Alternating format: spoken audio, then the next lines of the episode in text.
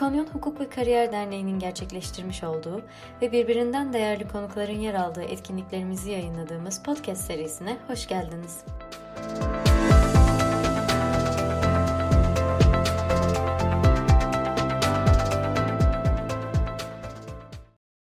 taşımalarında ise eşya konteynere taşıyan ve onun ifa yardımcıları tarafından yerleştirilmekte, doldurulmakta ve istiflenmektedir. Yani limandaki konteyner alanına eşya gelir, kara taşımacılığı vasıtasıyla oraya getirilir eşya. Taşıyan ifa yardımcıları çoğu zaman terminal işletmecilerin adamları tarafından konteynere bu eşyalar doldurularak istiflenir. Şimdi bu taşıma şekilleriyle konteyner tedariki arasında doğrudan doğruya bir ilişki var mı? Çünkü e, bu tür uyuşmazlıklarda FCL taşımaları mevcut olduğu ileri sürülerek taşıyanlar ve taşıyan vekilleri ortaya çıkan sorumlulukları reddetmektedir. Ancak bir taşımanın FCL veya FCL olması konteynerin e, mutlaka taşıyan veya yükle ilgiler tarafından tedarik edildiği anlamına gelmez. FCL taşımalarda da konteyner taşıyan tarafından tedarik edilebilir. LCL taşımalarda kuru olarak yani SCL taşıması nite itibariyle taşıyanlar tarafından tedarik edilen konteynerler kullanılır. Ancak FCL'de konteynerin taşıyan tarafından da tedarik edilmesi mümkündür ve uygulamada gördüğümüz konuşmentolarda ve deniz yük senetlerinde FCL taşımaların mevcut olduğu tespit edilse dahi bu taşımaların neredeyse tamamında konteynerler taşıyanlar tarafından tedarik edilmekte. Dolayısıyla bir FCL taşımasının var olması demek konteynerin yükle ilgili tarafından tedarik edildiği ve konteynerdaki yük, yük verisizlikten kaynaklanan zararların yükle ilgili üzerinde olduğu anlamına gelmiyor. FCL taşımalarında da konteynerler taşıyan tarafından tedarik edilebilmektedir. Uygulamada da dediğim gibi çoğu zaman e, FCL taşımalarında konteynerin yükle ilgiler tarafından değil taşıyanlar tarafından tedarik edildiğini görebiliyoruz. Bu FCL ve LCL taşımaları çeşitli kombinasyonlarda karşımıza çıkabilir. Yani kapalı halde teslim alınan bir konteyner aynı şekilde gönderilene kapalı halde teslim edilebilir. Dolayısıyla FCL FCL kaydı olabilir. LCL FCL kaydı olabilir. Yani taşıyana teslim edilen konteyner daha sonra taşıyan tarafından kapalı halde gönderilene teslim edilebilir veya LCL ile LCL kaydı olabilir. Yani taşıyana konteynersız teslim eden eşya gönderilene yine konteynersız teslim edilir. Ancak deniz taşıması sırasında taşıyanın tedarik ettiği konteynerde taşınabilir veya en son olarak FCL, LCL kombinasyonu karşımıza çıkabilir. Yani taşıyana tam dolu olarak teslim edilen konteyner içindeki eşya gönderilene teslim edilirken konteynersız şekilde gönderilene teslim edilebilir. Uygulamada ise çoğu zaman SCL alınmışsa SCL teslim edilir, LCL alınmışsa LCL teslim edilmektedir. Ancak bu tür kombinasyonların kullanılması da mümkündür. Bu kombinasyonlar özellikle kapıdan kapıya yapılan konteyner taşımacılığında ve limandan limana yapılan konteyner taşımacılığı ayrımında karşımıza çıkacak. Sunumun sonlarında çok türlü taşımalar açısından tekrar bu taşıma şekillerine geri döneceğim. Şimdi bu teknik detayları inceledikten sonra hukuki bazı sorunlara geçmemiz gerekiyor. Şimdi taşıyanın konteyner tedarikinden doğan borç ilişkisi navlun sözleşmesi içine dahilmiş. Şimdi taşıyan çoğu zaman navlun içinde veya navlundan ayrı olarak ücretlendirir konteyner tedarik ederken. Faturalarda da konteyner tedarik ücreti olarak bunlar yer alabilir. Peki bu hizmet acaba navlu sözleşmesinin içeriğine dahil midir? Yani te, konteyner tedarikinin ihlal edilmesi veya konteyner tedarikiden doğan, iki taraf içinde doğan borçlar bu navlu sözleşmesi çerçevesinde mi değerlendirilecektir? İlk önce bu soruya cevap vermemiz gerekiyor. Şimdi yabancı hukuklarda özellikle Fransız mahkemelerinde bu hususta önemli iştahatların bulunduğunu görebiliyoruz. 1984 tarihli Butterfly kararında Fransız hukukunda bu davada taşıyan tarafından tedarik edilen soğutmalı konteynerdeki elverişsizlik sebebiyle tereyağı yükü üzerinde zarar meydana gelmiş. Ancak Fransız mahkemesi ambalajın yetersizliği zararın taşıyan veya adamların kusurundan ileri gelmemesi ve zararın taşıyana isnat edilemeyecek bir sebepten ileri geldiğinden bahisle taşıyanın somut olayda sorumlu olmadan hükmetmiştir. İşte olayı özetleyelim. Taşıyan tarafından tedarik edilen soğutmalı bir konteyner var. Ancak bu konteyner e, doğru düzgün çalışmadığı için içindeki tereyağı yükü zarar görüyor. Ve mahkeme diyor ki bu konteynerdaki zarar eşyanın kendi niteliğinden yani ambalajdan ileri geliyor. Dolayısıyla Lahey kurallarına göre ortaya çıkan zarardan ötürü taşıyan sorumlu değil. Bu davada taşıyan tarafından tedarik edilmesine rağmen konteyner doğrudan doğruya mahkeme ortaya çıkan zararı Nalın Sözleşmesi'nin dışında bir olgu olarak görmüş ve Nalın Sözleşmesi hükümlerine göre taşıyanın sorumlu olmayacağını hükmetmiş. Bu kararın daha sonradan çeşitli varyasyonlarla tekrar edildiğini görüyoruz. Örneğin 1999 tarihinde En Provence İsnaf Mahkemesi'nin yine konteyner tedarikinin ile taşıyan ve taşıyan arasındaki sözleşmenin nalın sözleşmesinden taşıma sözleşmesine ayrı bir sözleşme olduğunu mahkeme benimsiyor. Bu olayda ne olmuş? Eşya kendisi tarafından tedarik edilen konteynere taşıyan tarafından doldurulmuş ve konteyner gemi yüklenmeden önce henüz rıhtındayken eşya hasar uğramıştır. Mahkeme konuşmentoda yer alan sorumluluk dönemi klozu sebebiyle karadaki zarardan ötürü taşıyanın sorumsuzluğuna hükmetmiştir. Bu olayın özelliği ise zarar deniz taşımacılığı sırasında ortaya çıkmıyor, karada ortaya çıkıyor. Yani yüklemeden önceki meydana gelen bir eşya karadayken henüz meydana gelen bir zarar var. Yine bu zarardan ötürü mahkeme taşıyanın konuşmentoda yer alan sorumluluk dönemi klozu sebebiyle sorumlu tutmuyor. Konteyner taşıyan tarafından tedarik edilse bile mahkeme taşıma sözleşmesiyle konteynerin tedarikini ayrı gördüğü için taşıma sözleşmesine göre taşıyanın sorumsuz olduğuna hükmediyor. 1999 tarihli St. St. George kararında ise Versailles İsnaf Mahkemesi konteyner tedarikinin açık bir şekilde kira sözleşmesi olduğunu tespit etmiş.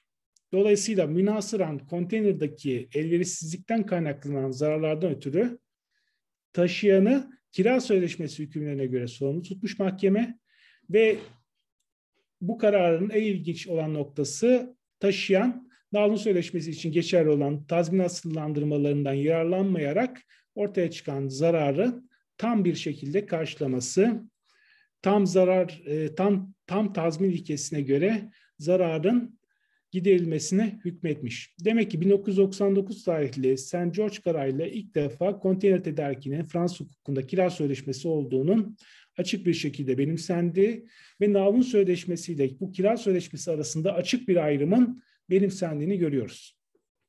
Demek ki Fransız hukukunda konteyner tedariki yani taşıyan tarafından tedarik edilen bir konteynerden ötürü bir zarar meydana geldiğinde Navun Sözleşmesi hükümlerine değil, kira sözleşmesi hükümlerine başvuruluyor ve Nalın Sözleşmesi'ne dair sorumluluk sınırları bu eşya zararlarında uygulanmıyor. Alman hukukunda ise Hamburg İstinaf Mahkemesi multimodal bir taşımaya konu olan olayda konteyner tedarikinin taşıma sözleşmesi açısından yan edim yükümlülüğü olduğunu tespit ediyor ve konteynerin ayıplı olması durumunda taşıyanın taşıma sözleşmesinden doğan bu edim yükümlülüğünü ihlal ettiğinden ötürü sorumlu olacağını kabul ediyor. Bu görüş öğretide Rabi dediğimiz Almanya'da ünlü bir deniz hukukçusunun tespit ettiği bir görüş ve Hamburg İsnaf Mahkemesi de Rabe'nin konteyner tedarikinden kaynaklanan borç ilişkisinin nalun sözleşmesinin yan edimi olduğu görüşünü mahkemede teyit etmiş durumda. Peki Türk hukuku bakımından ulaştığımız sonuç ne? Biz de Alman hukukundaki paralel olarak Türk hukukunda da e, konteyner tedarikinin nalun sözleşmesi açısından bir yan edim yükümlü olduğunu görüyoruz. Yani konteyner tedarikinden doğan borç ilişkisi nalun sözleşmesinin içeriğine dahildir. Konteyner tedariki nalun sözleşmesinden bağımsız bir sözleşme değildir veya nalun sözleşmesiyle birlikte bir karma ya da bileşik sözleşme oluşturmamıştır veya bir sui generis sözleşmeden de bahsedilmez. Ortada tek bir sözleşme vardır. Bu nalın sözleşmesidir. Ancak e, taşıma ediminin yanında bir yan edim olarak da konteyner tedariki mevcuttur. Dolayısıyla konteyner tedarikine ilişkin taşıyanın üstlendiği bir bu edim ihlal edildiğinde taşıyan nalın sözleşmesi ihlaline ötürü sorumlu olacaktır. Ortaya çıkan bu eşya zararı taşıyanın sorumluluğuna ilişkin TTK'daki özel hükümlere veya bu özel hükümler uygulama alanı bulmadığı durumlarda borçlar kanundaki hükümlere göre ortaya çıkacaktır. Peki uygulamada bu sorun tartışılıyor mu? Özellikle uygulamada bahsettiğim gibi yük elverişsiz konteynerden kaynaklanan davaların sayısı olarak oldukça fazla olduğunu görüyoruz. Ancak bu tartışmaya girilmeden mahkemeler özellikle hem yerel mahkeme hem de o karar, yerel mahkemenin kararlarını onayan 11. Hukuk Dairesi e, sorumluluğun kaynağını Naun Sözleşmesi olarak görmektedir. Dolayısıyla örtülü bir biçimde de olsa Türk hukukunda konteyner tedarikinin Naun Sözleşmesi içine dahil olduğu da uygulama açısından zımnen de olsa kabul edilen bir görüştür. Biz de yayınladığımız e, münferit bir çalışmada konteyner tedarikinin Naun Sözleşmesi içeriğine dahil olduğunu ayrıntılı bir şekilde inceledik.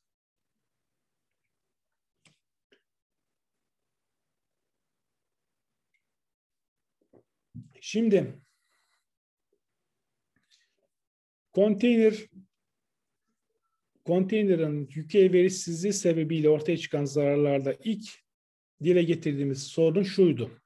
Konteyner kimin tarafından tedarik ediliyor? Taşıyan tarafından mı yoksa yükle ilgili tarafından mı? Bu sorunu çözdükten sonra ikinci olarak konteynerin nalun sözleşmesinin içeriğine dahil olup olmadığını inceledik ve konteyner tedarikine ilişkisi konteyner tedarikine dair borç ilişkisinin Dağılım Sözleşmesi'nin içine dahil olduğunu tespit ettik. Bir yan edim olarak karşımıza çıkıyor. Peki konteynerin yük elverişsizliği sebebiyle bir eşya zararı ortaya çıktığında bu eşya zararı için taşıyanın hangi sorumluluk sebebi geçerli olacak?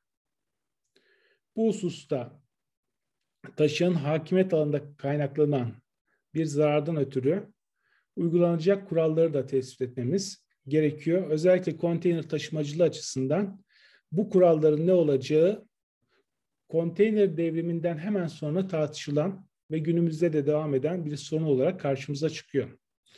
Ve burada da iki temel görüşle karşılaşıyoruz. Birinci görüş konteynerin yük elverişsizliği aynı geminin elverişsizliği gibi değerlendiren görüş ve geminin başlangıçtaki elverişsizliğine dair kuralları bu sorumluluk sebebi için uygulayan görüş. Diğer görüş ise yükü özen borcu ihlalinden doğan sorumluluk hükümlerini bu zararlar için uygulayan görüş olarak karşımıza çıkıyor. Şimdi geminin başlangıçtaki elverişsizlikten doğan sorumluluğunu kabul eden görüş esasında konteyneri gemi ambarının devamı olarak görmekte. Bu görüşler gemi ambarı teorisi olarak kısaca ifade edeceğim ve toplayacağım bu görüşlerin tamamı şu olguna hareket ediyor. Konteyner gemilerinde münferit bir gemi ambarı yok. Onun yerine konteynerler kullanılıyor ve konteynerlerde gemi taşınabilir gemi ambarları. Dolayısıyla konteyner işlevsel olarak gemi ambarı görevini yerine getirdiği için konteyneri sorumluluk rejim bakımından gemi ambarının devamı olarak görmemiz gerekiyor. Hatta bu görüş kendi içinde ikiye ayrılıyor. İster taşıyan isterse yükleten tarafından tedarik edilen her türlü konteyneri gemi ambarının devamı kabul eden görüşün mevcut olduğunu görüyor, biliyoruz. Bunun dışında sadece taşıyan tarafından tedarik edilen konteynerin gemi ambarının devamı niteliğinde olan görüşlerin mevcut olduğunu görüyoruz. Yani konteynerin gemi ambarının devamı olup olmadığı konusundaki görüşler kendi içerisinde konteynerin kimin tarafından tedarik edilip edilmediğine göre de farklılaşıyor. Bugün hakim olan görüş sadece DC taşıyan tarafından tedarik edilen konteynerin konteynerin e, geminin ambarı niteliğinde görme yönünde olduğunu belirtelim. Her türlü konteynerin gemi ambarının devamı aloncu olarak gören görüşün artık bugün için kabul edildiğini, benimsendiğini göremiyoruz. Şimdi gemi ambarı teorisinin e, katılan yazarların başka bir kısmı ise şunu diyor. Konteyner eşya hukuk anlamında geminin bir parçası değil. Yani ya geminin teferruatı veya eklentisi bütünleyici parçası değiller. Fakat taşıyanın sorumluluğuna ilişkin hükümler konteyner öncesi döneme ait olduğu için bu konuda bir hukuk boşluğu var. Dolayısıyla bu boşluğun kıyasen geminin başlangıçtaki elverişsize dair hükümlerle doldurulması gerekiyor.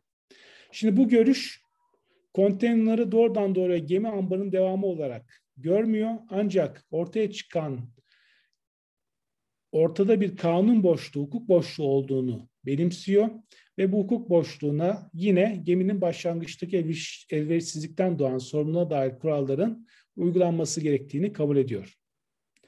Demek ki bazı yazarlar doğrudan doğruya gemiyle konteyneri bir gördükleri için geminin başlangıçtaki elverişine dair sorumluluğun uygulanmasını isterken buna karşılık bazı yazarlar bu konuda bir hukuk boşluğu olduğunu belirterek kıyasen geminin başlangıçtaki elverişsizlikten doğan sorumluluğu hükümlerinin uygulanmasını istiyor. Diğer görüş ise yükü özen borcunun ihlalinden doğan sorumluluk. Bu görüşe biz de katılıyoruz. Bizim de katıldığımız bu görüşe göre konteyner geminin bir eklentisi veya bütünleyici parçası değil. Dolayısıyla konteyner geminin bir parçası olmadığı için konteynerdaki elverişsizlik geminin elverişsizliği niteliğinde görülemez.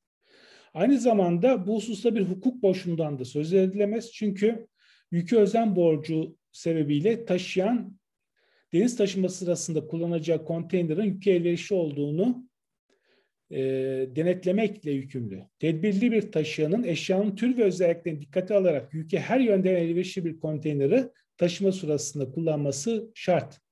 Bu yükümlülük yükü özen borcu içinde yer almaktadır. Eğer bu yükümlülük ihlal edilirse yükü bir eşya zararı meydana geldiğinde yine yükü özen borcu ihlal edilmiş olacaktır. Dolayısıyla bizler, bizim katıldığımız görüş, konteynerin yük elverişsizliğine ötürü geminin başlangıçtaki elverişsizliğine dair kuralların uygulanması yönünde değil, doğrudan doğruya yükü özen borcunun ihlalinden doğan sorumluluk hükümlerinin uygulanması gerektiği yönündedir. Şimdi taşıyanın hakimiyet alanı dışında meydana gelen eşya zararlarında ortaya çıkması mümkün. Şimdi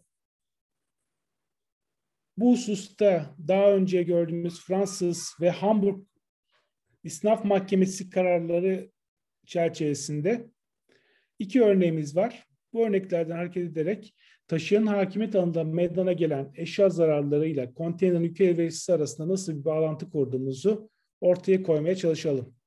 Birinci örnek, Spalan teslimiyle birlikte taşıyanın hakimiyet alanından çıkan soğutmalı konteyner terminalde bulunduğu sırada önceden mevcut olan bir arıza sebebiyle bozulur, içindeki tereyağları erir. 2007 yılındaki Matis kararında alınmış bir örnek. Dikkat ediniz, aslında teslim gemide gerçekleşiyor. Spalan teslim ancak konteyner terminale indiriliyor, indiriliyor ve konteyner taşıyan tarafından tedarik edilmiş terminaldeki elektrik bağlantısı sağlanıyor ancak konteynerdaki bir arıza sebebiyle soğuk hava zinciri kırılıyor ve tereyağı zararı meydana geliyor. Karada meydana gelen bir eşya zararı ve taşın hakimiyet alanı dışında meydana gelen bir eşya zararı. İkinci örnek ise konteyner teslim alınmasından önce terminalde bulunduğu sırada Yağmur suları gövdeki yarıklardan girerek eşya zararına sebep olur.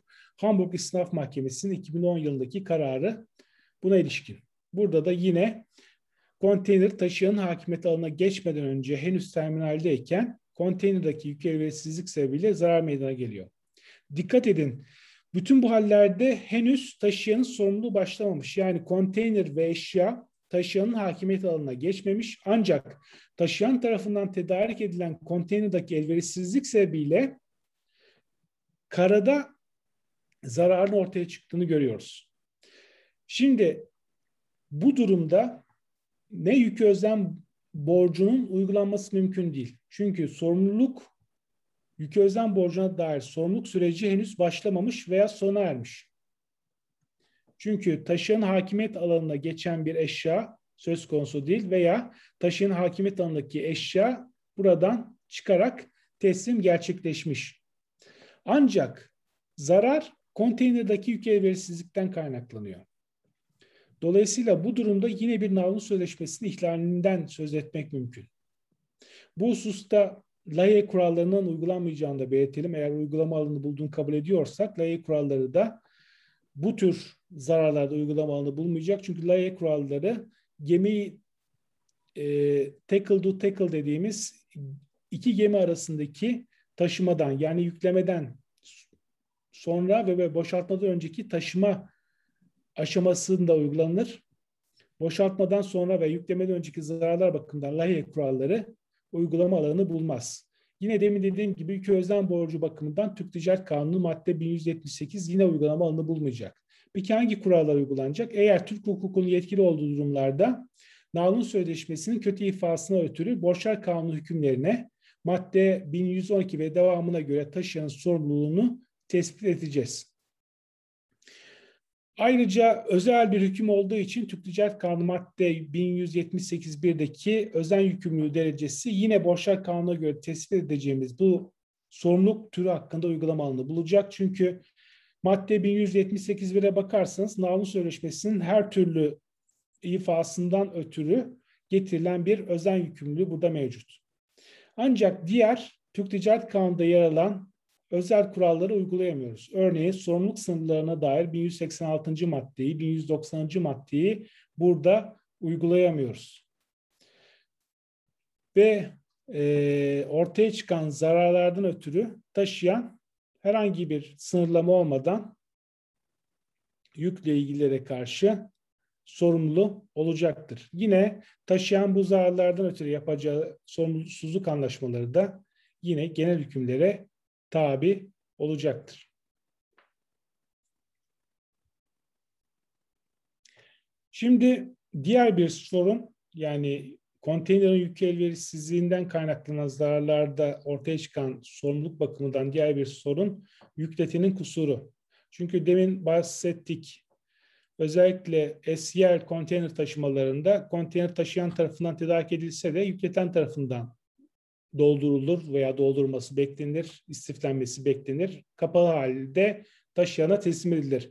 Yükleten veya onun adamları tarafından doldurulacak konteynerinde ne olması gerekir?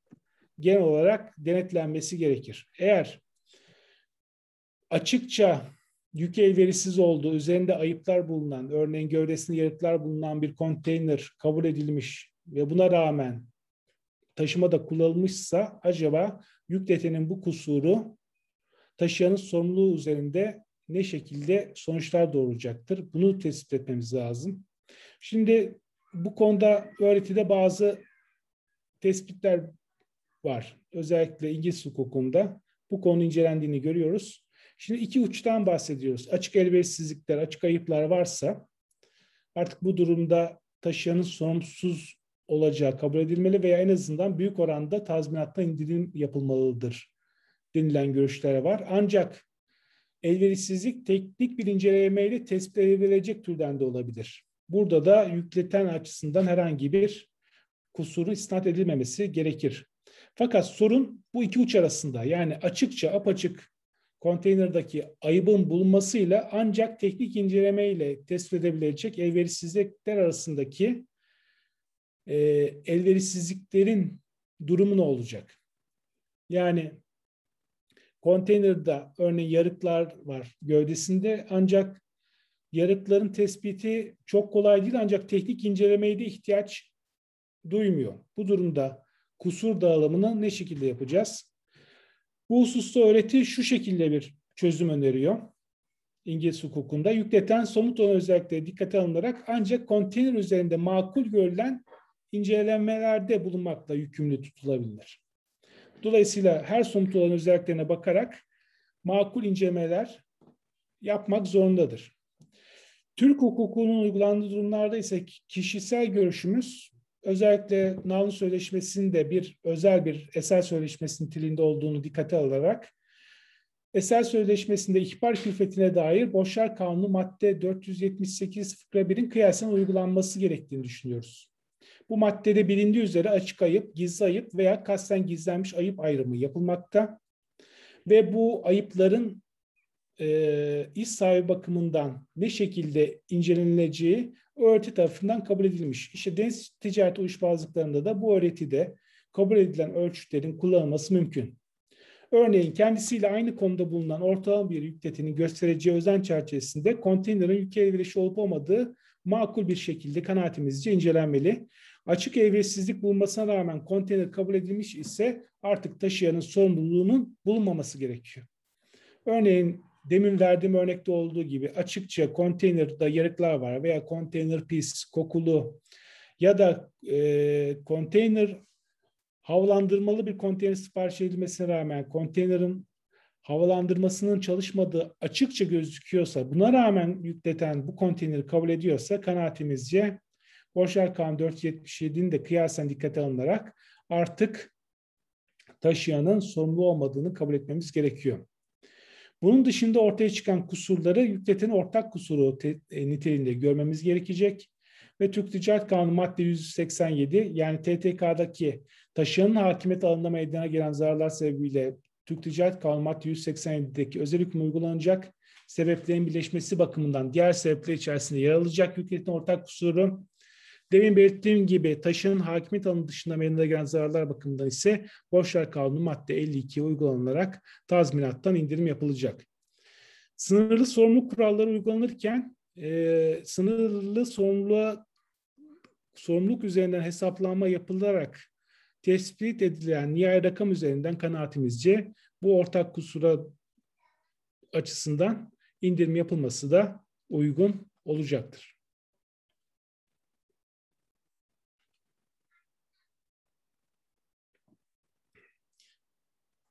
Daha önceki slaytlarda görmüştük. Taşıyan hakimiyet alanından kaynaklanan zararlardan ötürü yük özlem borcunun ihlaline dair kurallar uygulanır. Hakimiyet alanı dışındaki zararlardan ötürü ise genel hükümler uygulanmalıdır ve herhangi bir sorumluluk sınırı mevcut olmayacaktır.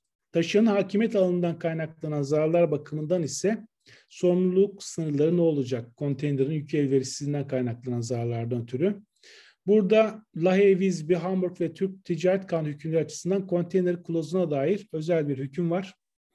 Özellikle konteyner taşımacılığının deniz taşıma kuralları tarafından pozitif olarak dikkate alındığı ilk yer bu konteyner klozu olmuştur. Lahey Vizbi kurallarında ilk defa kabul edilen bu kloz daha sonra Hamburg kurallarına aktarılmış. Daha sonra Türk Ticaret Kanunu madde 1186.3'te kendisine yer bulmuştur. Bu kloz ne ifade ediyor? Konuşmento veya diğer bir denize taşıma senedinde, örneğin denizcilik senedinde konteynerin içeriği olarak yazılmış her koli veya ünite sorumluluğun sınırlandırılmasında ayrı bir koli veya ünite sayılacaktır. Bu klozun uygulanmasında konteynerin kimin tarafından temin edildiği de herhangi bir şekilde önem taşımayacak. Demek ki konuşmentoda veya deniz yük senedinde konteynerin içeriği sayılıyorsa, örneğin kaç paket olduğu, veya bu paketlerin kaç kilogram oldu koli veya ünite bakımından buradaki içeriği dikkate alacağız. Dolayısıyla Türk Ticaret Kanunu'nun mevcut hükümleri açısından sorumluluk sınırlarını tespit etmek oldukça basit, daha doğrusu tartışmasız. Ancak layık kuralları uygulanıyorsa, ilk gün Kerim Hoca da açıklama yaptı. Esasen biz layık kurallarına bağlı olmamız gerekir uluslararası deniz yoluyla eşya taşımacılığı bakımından. Ancak Türk mahkemelerinde uygulama geçmişten beri daima Türk Ticaret Kanunu hükümlerine uygulanmaktadır. Layık kurallarına uygulamamaktadır. Ancak pozitif olarak layık kurallarının uygulanması gerektiğini biz de kabul ediyoruz. Eğer şayet layık kuralları uygulanması gerekiyorsa ki bu kurallar Paramount Clause dediğimiz clause'lar uyarınca da uygulanması gerekir. Konuşmentoda yer alan sorumluluk sınırını nasıl tespit edebileceğimiz konteyner taşımacılığı açısından önemli bir sorun olarak karşımıza çıkacak. Burada ise üç temel görüşü savunuyoruz. Birincisi konteynerin içeriği konuşmentoda yer alıyorsa bu halde konteyner koli olarak artık değerlendirilmemeli. İçerinde yer alan eşyanın koli veya birim sayısı sorumluluk sınırında dikkate alınmalıdır. Şayet konuşmentoda konteynerin içeriğine dair bir kayıt yer almıyor. Ancak taraf iradelerinin yansıdığı bir belgeden söz edebiliyorsak yine bu belgenin sorumluluk sınırı bakımından dikkate alınması kanaatimizce gerekir. Örneğin shipping note'da yer alan ve konteynerin içerisinde yer aldığı belirtilen koli sayısı sorumluluk sınırında kanaatimizce dikkate alınmalıdır. Konuşmentoda veya başka bir taşıma belgesinde konteynerin içeri yer almıyor ise bu durumda her bir konteyner koli olarak değerlendirilecektir. Yani biz DAE kurallarını uygularken konuşmentoda, deniz yük senedinde veya başka bir taşıma belgesinde konteynerin içeriğini tespit edemiyorsak artık sorumluluk sınırlığında konteyneri tek bir koli olarak değerlendireceğiz. Dolayısıyla taşıyan sorumlu bakımından çok büyük bir taşıyan lehine bir avantaj meydana gelecek. İşte bu sonucu bertaraf etmek için mümkün olduğu kadar sorumluluk sınırlarını uygularken esnek davranmaya çalışıyoruz. Dolayısıyla konteynerde konteynerin içeriğine dair bir kayıt olmasa dahi başka bir belgede konteynerin içeriğini tespit edebiliyorsak artık buradaki koli sayısının sorumluluk sınırında yer alması gerektiğini de kabul ediyoruz. Menfaatler dengesi çerçevesinde bu tür bir yorum yapabiliyoruz. Bu yorum öğretide ileri sürden bir yorum. Biz de yaptığımız çalışmalarda layık kuralları bakımından bunları kabul ediyoruz. Ancak uygulamada bildiğiniz üzere konuşmento veya denizcilik senetlerinin çoğunda ben de aksini görmedim. Hepsinde içeriğindeki kol sayısı, ünite sayısı yani kaç örneğin kutu olduğu, kaç palet olduğu, kilogramları net ve brüt olarak yazmaktadır.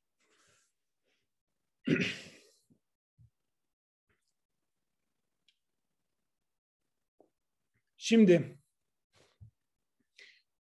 bu anlattıklarım tek türlü navlun söyleşmesine aitti. Ancak konteyner taşıması dediğimizde multimodal yani çok türlü taşımalar da karşımıza çıkabilmektedir. Ve konteynerin amacı ise zaten bu çok türlü taşımaların yaygınlaşmasını sağlamaktır. Yani konteynerin en büyük etkilerinden biri direkt taşımaların, çok türlü taşımaların veya intermodal taşımaların yaygınlaşması olarak karşımıza çıkmıştır. Şimdi konteyner taşımacılığında hangi varyasyonlar karşımıza çıkabilir? Yani konteyner taşımacılığında taşımanın başladığı ve sona erdiği noktalar neresi olabilir derseniz bu konuda bir skala karşımıza çıkabilir. En geniş anlamda konteyner kapıdan kapıya taşınabilir. Yani satıcının fabrikasında alınan konteyner deniz aşırı taşıma sonucunda alıcının fabrikasına da gönderilen olarak ona teslim edilebilir. Buna biz kapıdan kapıya veya işletmeden işletmeye taşıma diyoruz. Bu en geniş konteyner taşıma türü. Veya limandan limana olabilir. Tek modlu bir, tek türlü bir taşıma türü olabilir. Yani deniz terminalinden teslim alınan konteyner alıcının bulunduğu limandaki deniz terminaline teslim edebilir terminaline teslim edilebilir. Bunun dışında deniz terminalinden kara terminaline ki konteyner terminalleri sadece limanlarda yer alan terminallerde değil, özellikle gümrüklü alanlarda bulunan karadaki limanlardan uzakta bulunan karadaki terminallerde de bulunabilir. Dolayısıyla deniz terminalinden kara terminaline, deniz terminalinden işletmeye, kara terminalinden deniz terminaline, kara terminalinden başka bir kara terminaline veya kara terminalinden işletmeye, işletmeden deniz terminaline veya işletmeden kara terminaline şeklinde çok çeşitli şekilde ihtiyaca göre konteynerin taşınması mümkün. Ancak en genişi dediğimiz kapıdan kapıya konteyner taşıması iken en dar konteyner taşıması limandan limana port port konteyner taşıması olarak karşımıza çıkıyor. Peki burada bazı ayrımlar yapıyoruz. Multimodal yani çok türlü taşıma ile intermodal türler arası taşıma arasındaki ayrım nedir? Ona bakmamız gerekiyor. Şimdi bu taşımaları anlayabilmek için kesintili taşıma ve doğrudan taşıma dediğimiz taşıma türleri var. Bunların hepsi birer bütünleşik taşıma türleri. Bunlar arasındaki farkı tespit etmemiz gerekiyor. Şimdi kesintili taşıma bir taşıma aşaması sona erdikten sonra yeni bir sözleşmeyle başka bir aşamanın başlaması demek. Örneğin Manisa'dan alınan konteyner Berlin'deki bir işletmeye taşınacak. Manisa'dan İzmir Limanı'na kara taşıması yapılması gerekir. Daha sonra İzmir Limanı'ndan Hamburg Limanı'na bir deniz taşıması yapılması gerekir. Hamburg'dan Berlin'e yine bir kara taşıması yapılması gerekir veya Hamburg'dan Berlin'e bir demir yolu taşıması yapılması gerekir. Bu kesintili her bir taşıma aşaması için ayrı bir sözleşme yapıldığında kesintili bir taşımadan söz ediyoruz. Ancak Manisa'dan alınan yük Berlin'deki fabrikaya tek bir taşıma sözleşmesi altında taşındığında doğrudan veya direkt taşımadan söz edeceğiz. Demek ki tek bir sözleşme ile birden fazla taşıma aşaması taahhüt ediliyorsa taşıyıcı tarafından doğrudan bir taşıma mevcut. Peki multimodal taşımada ne vardır? Multimodal taşıma sözleşmesinde taşıyıcı tek bir taşıma sözleşmesiyle eşyanın doğrudan taşımasını taahhüt etmekte ve bu taahhüdün ifasında birden fazla taşıma türünü kullanmaktadır. Intermodal türler arası taşımada ise arasındaki fark şu. Multimodal taşımada tek bir sözleşme var ve birden fazla taşıma türü kullanılıyor. Intermodal taşımada ise tek bir sözleşme yok. Birden fazla sözleşme var ve birden fazla taşıma türü kullanılıyor. Bizim üzerinizde durduğumuz taşıma türü ise multimodal yani çok türlü taşımalar olacak. Türk Ticaret Kanunu'nda özel olarak düzenlenen bu taşıma sözleşmesi konumuz açısından da önem taşıyor. Çünkü çok türlü taşımalarda sorumluluk rejimi uzun yıllar boyunca tartışıldıktan sonra pozitif olarak Türk Ticaret Kanunumuzda da yer bulmuş. Biz bu hükümleri Alman Ticaret Kanunu'nun 1998 taşıma reformuyla birlikte aldığı hükümleri Türk hukukuna ithal ederek kabul ettik. Burada ikili bir ayrım yapıyoruz multimodal taşımalarda zarar yerinin hangi taşıma devresinde meydana geldiği biliniyorsa veya zarar yerinin hangi taşıma devresinde meydana geldiği bilinmiyorsa yani zarar yerine bilinip bilinmediğine göre taşıma rejimini tespit edebiliyoruz. Şayet zarar yerinin nerede meydana geldiği tespit edebiliyorsak taşımanın bu kısmı için ayrı bir taşıma sözleşmesi yapılsaydı taşıyıcı veya taşıma taahhüdünde bulunan hangi hükümlere tabi olacaksa sorumluluk ona göre belirleniyor. Dolayısıyla zarar deniz taşıma sırasında meydana gelmiş ise taşıyanın sorumlu hükümlerine başvurulacak. Eğer zarar yerinin hangi taşımada meydana geldiği belli değilse bu durumda taşıyıcının sorumluluğuna dair dikkat ediniz taşıyan değil Türk Ticaret Kanunu'nda madde 850 ila 893 arasında yer alan taşıyıcının sorumluluğuna dair hükümler uygulama alanı bulacaktır. Demin dediğim gibi Manisa'dan örneğin Berlin'e taşınan bir konteyner taşımasında deniz taşımasının denizde meydana gelen bir zarar ortaya çıktığında bu zarar için taşıyanın sorumlu hükümleri uygulanacak. Ancak zarar yeri belli değilse ki uygulamada SCR taşımalarında sıklıkla zarar yerini tespit edemiyoruz. Bu durumda taşıyıcının sorumluluğuna dair hükümler Türk hukuku açısından uygulama alanı bulacak. Dolayısıyla zarar yerinin bilinip bilinmemesi son derece önem taşıyor. Çünkü taşıyıcının sorumluluğuyla taşıyanın sorumluluğu arasında çok önemli farklar var. Özellikle soğutmalı konteynerler açısından Türk Ticaret Kanunu 878.1'de özel bir hüküm yer alıyor. Yine taşıyıcının özel yükümlülükleri, sorumluluktan kurtulması, sorumluluk sınırları, fiili taşımada iki rejim arasında dikkat eder farklar bulunmaktadır. Uygulamada konteyner taşımacılığında deniz ticaretiyle ilgili olarak e, başka bir sorun ise liman alanlarında meydana gelen zararlar hangi aşamaya ait olacak? Örneğin taşıyanın hakimiyet alanında fakat yüklemeden önce liman terminalinde forkliftte taşınan konteyner yere düştü ve içindeki eşya zarar uğradı. Acaba bu hangi taşımaya ait olacak?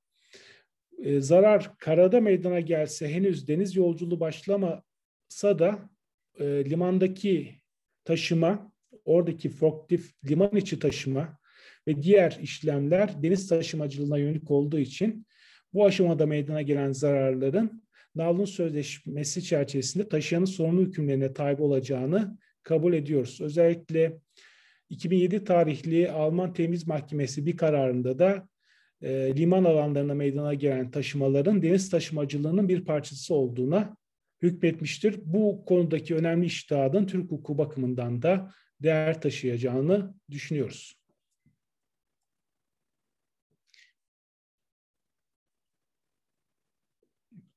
Slaytlarım bitmek üzere. Son olarak şunu söyleyeyim. E, konteynerin yük elverişsizliğine dair sorumluluk bakımından Lahey, Lahey, Wisby, Hamburg kuralları Türk Ticaret Kanunu'nda özel bir hüküm yer almıyor. Ancak Rotterdam kuralları bu konuda sessiz kalmamış ve konteynerin yük elverişsizliğini geminin yük elverişsizliğiyle bir tutmuş. Yani geminin başlangıçtaki elverişsizliğine dair aynı ilkeler çerçevesinde konteynerin yük elverişsizliğini pozitif olarak düzenlemeye çalışmış. 14. maddenin C bendine göre taşıyan deniz yolculuğunun öncesinde, başlangıcında ve yolculuk süresince eşyanın taşındığı ambar ve geminin diğer bölümlerini ve içinde ya da üzerinde eşyanın taşındığı kendisi tarafından tedarik edilen her türlü konteyneri eşyanın teslim alınması, taşınması ve muhafaza edilmesi için sağlam ve güvenli şekilde tutmak ve muhafaza etmek için gerekli özen göstermekle yükümlüdür.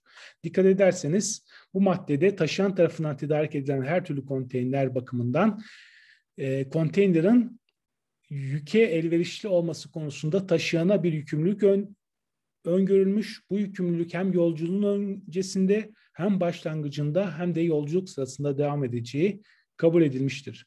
Bu açıdan Rotterdam kurallarının getirdiği yeniliklerden biri de yük elverişsizlik konteynerler için özel bir sorumluluk rejimi öngörmektedir. Şimdi bu noktaya kadar konteynerin yük elverişsizliğinden kaynaklanan zararlardan ötürü başlıca sorunları incelemeye çalıştım. Bunun dışında konteyner içi istif kusurlarından kaynaklanan zararlar da yine e, önemli bir sorumluluk kaynağı teşkil etmekte ve uygulamada karşılaşılan sıklıkla tipik bir zarar tipi olarak karşımıza çıkmaktadır. Şimdi bu durumda ilk temel sorun şu. Muhtemel bir sorumluluk, sorumsuzluk sebebimiz var. Türk Ticaret Kanunu madde 1182 fıkra 1 bent E'de. Buna göre yükle ilgililerin veya temsilcilerin ya da adamların kusuru zarara sebep vermişse taşıyan bu zarardan ötürü sorumlu olmayacak. İşte bu hükmün uygulanması açısından şu soru gündeme geliliyor. Konteyner eşyanın istiflenmesini somut olayda kim yerine getirmiştir veya getirmektedir? Çeşitli alternatifler karşımıza çıkacak bu konuda. E, konteyner eşyanın istiflenmesi yükleten bir adamları yerine getirebilir. Yükleteni ifa yardımcısı olan bağımsız istifçiler bu hususta faaliyette bulunabilir. Ya da taşıyanın ifa yardımcısı olan bağımsız istifçiler eşyayı konteynere istifleyebilir veya doğrudan doğru taşıyan veya adamları eşyayı konteynere istifleyebilir. İşte bu ihtimallerden hangisi gerçekleşiyorsa ona göre sorumluluk rejimini tespit etmemiz söz konusu olacak. Eğer ilk iki ihtimalde yani konteynere istifleme yükleten veya adamları ya da bağımsız istifçiler tarafından gerçekleştiriliyorsa yükletimi ifa yardımcısı konuda olan artık bu durumda ortaya çıkan zararlardan konteyner içi istifteki kaynaklanan zararlardan taşıyanın sorumlu olması mümkün değil. Türk Ticaret Kanunu'ndaki slaytta da yer alan sorumsuzluk sebebi uygulama alanı bulacak. Bu hususta konuşmento ve deniz yük senedinde yer alan SCL, LCL kayıtları şüphesiz önem taşıyacak. Çünkü SCL kaydı bize neyi ifade ediyordu? Konteynerin tam dolu olarak taşıyanı teslim edildi. Yani konteynerin istiflenmesi, doldurulmasından yükletinin sorumlu olduğunu biz e, bu kayıttan anlıyorduk. LCL ise bunun aksine bize açıklıyordu. Demek ki FCL ve LCL kayıtları konteyner içi istif kusurları bakımından önem taşıyacak. Bunun dışında Shippers Load, Stow and Count kaydı da yani yükletenin yüklediği, istiflediği ve saydığı yönündeki konuşmento ve deniz yük senedindeki yer alan bu kayıtta konteyner içi istifin kime ait olması konusunda önemli bir e, delildir. Şimdi bu tür kayıtlar var ise konuşmentonun veya deniz yük senedinin delil niteliği çerçevesinde e, konteynerdaki istiften ötürü yükletenin sorumlu olması gerekiyor. Yani taşıyanın sorumluluğu olmayacağını kabul etmemiz gerekiyor. Fakat somut olaydaki fiili durum ile e, konuşmento veya deniz yükselindeki kayıtlar birbirleriyle uyumlu olmayabilir. Bunu biz sıklıkla görüyoruz. Örneğin Alsancak Limanı'nda e, devlet demiryolları tarafından konteynerler istiflenmekte. Yani eş, gelen kara taşıması yoluyla gelen eşyalar konteyner alanında TCDD'ye ait e, çalışanlar tarafından konteynerlere istiflenmekte. Ve bunlar donatanlara yönelik bir hizmet olarak verilmektedir. Donatanlar bu aldıkları hizmeti kendileriyle sözleşme yapan taşıma işleri komisyoncusuna yansıtmakta. Taşıma işleri komisyoncusu da kendileriyle sözleşme yapan yükle ilgililere yansıtmakta. Yani en nihayetinde donatanlara ait olan konteynerler Alsancak Limanı'nda çoğu zaman TCDD tarafından istiflendiğini görebiliyoruz. İşte böyle bir durumda konuşmento veya deniz yük senedinde FCR veya Shippers Load Stow and Count kaydı bulunsa bile artık fiili durumun dikkate alınması gerekiyor. İspatlanmış olması durumunda artık konteynerin yükle ilgili tarafından değil, taşıtının ifa yardımcısı, taşıyanın ifa yardımcısı tarafından istiflendiğini kabul ederek sorumluluk rejimini o şekilde tayin etmemiz gerekiyor. Demek ki e, konuşmento ve deniz yükselindeki yer alan kayıtlarla fiili durumun her zaman örtüşmeyeceğini de bu hususta aklımızda tutmamız gerekiyor. İşte ilk bugünkü yaptığım sunumda önemli bir safhat konteynerin yük elverişsizliğine dairdi. En son olarak da konteyner içindeki e, istif kusurlarından kaynaklanan zararlara dair önemli sorunlar üzerinde de durmak istedik. Şimdi konteyner taşımacılığı söz konusu olduğunda konteyner taşımacının etkileri bunlarla sınırlı olmuyor işte zararın ihbarından ihtiraz kayıt ileri sürmesine, konuşmentodaki kayıtların ispat fonksiyonuna kadar konteyner taşımacılığı Türk Ticaret Kanunu bakımından önemli sonuçlara sahip. Ancak bugünkü sunumda özellikle iki tür zarar tipi üzerinde durmaya ve buna ilişkin önemli sorunları değerlendirmeye çalıştım. Bu açıdan herkese teşekkür etmek isterim. E, hocam biz de çok teşekkür ederiz. Bizi e, kırmayıp davetimizi kabul ettiğiniz için. E, biz de bugün verdiğiniz e, emekler için size ufak bir e, teşekkür mahiyetinde bağışta bulunduk. E, sanırım Defne arkadaşımız da e, screen share, share kapatabilirsiniz hocam. Ee, sizin için de Tema Vakfı'na ufak bir bağışta bulunduk hocam. Ee, Çok teşekkür ederim. Yani yaptığınız bu ince davranışlar için gerek Darüşşafaka gerekse Tema'ya gösterdiğiniz ilgi için e, bizleri çok sevindirdiniz. Tekrar teşekkürlerimi sunuyorum. Biz teşekkür ederiz hocam. E, değerli katılımcılar yavaş yavaş sorularımıza geçebiliriz. E, chatte iki tane soru vardı diye gördüm.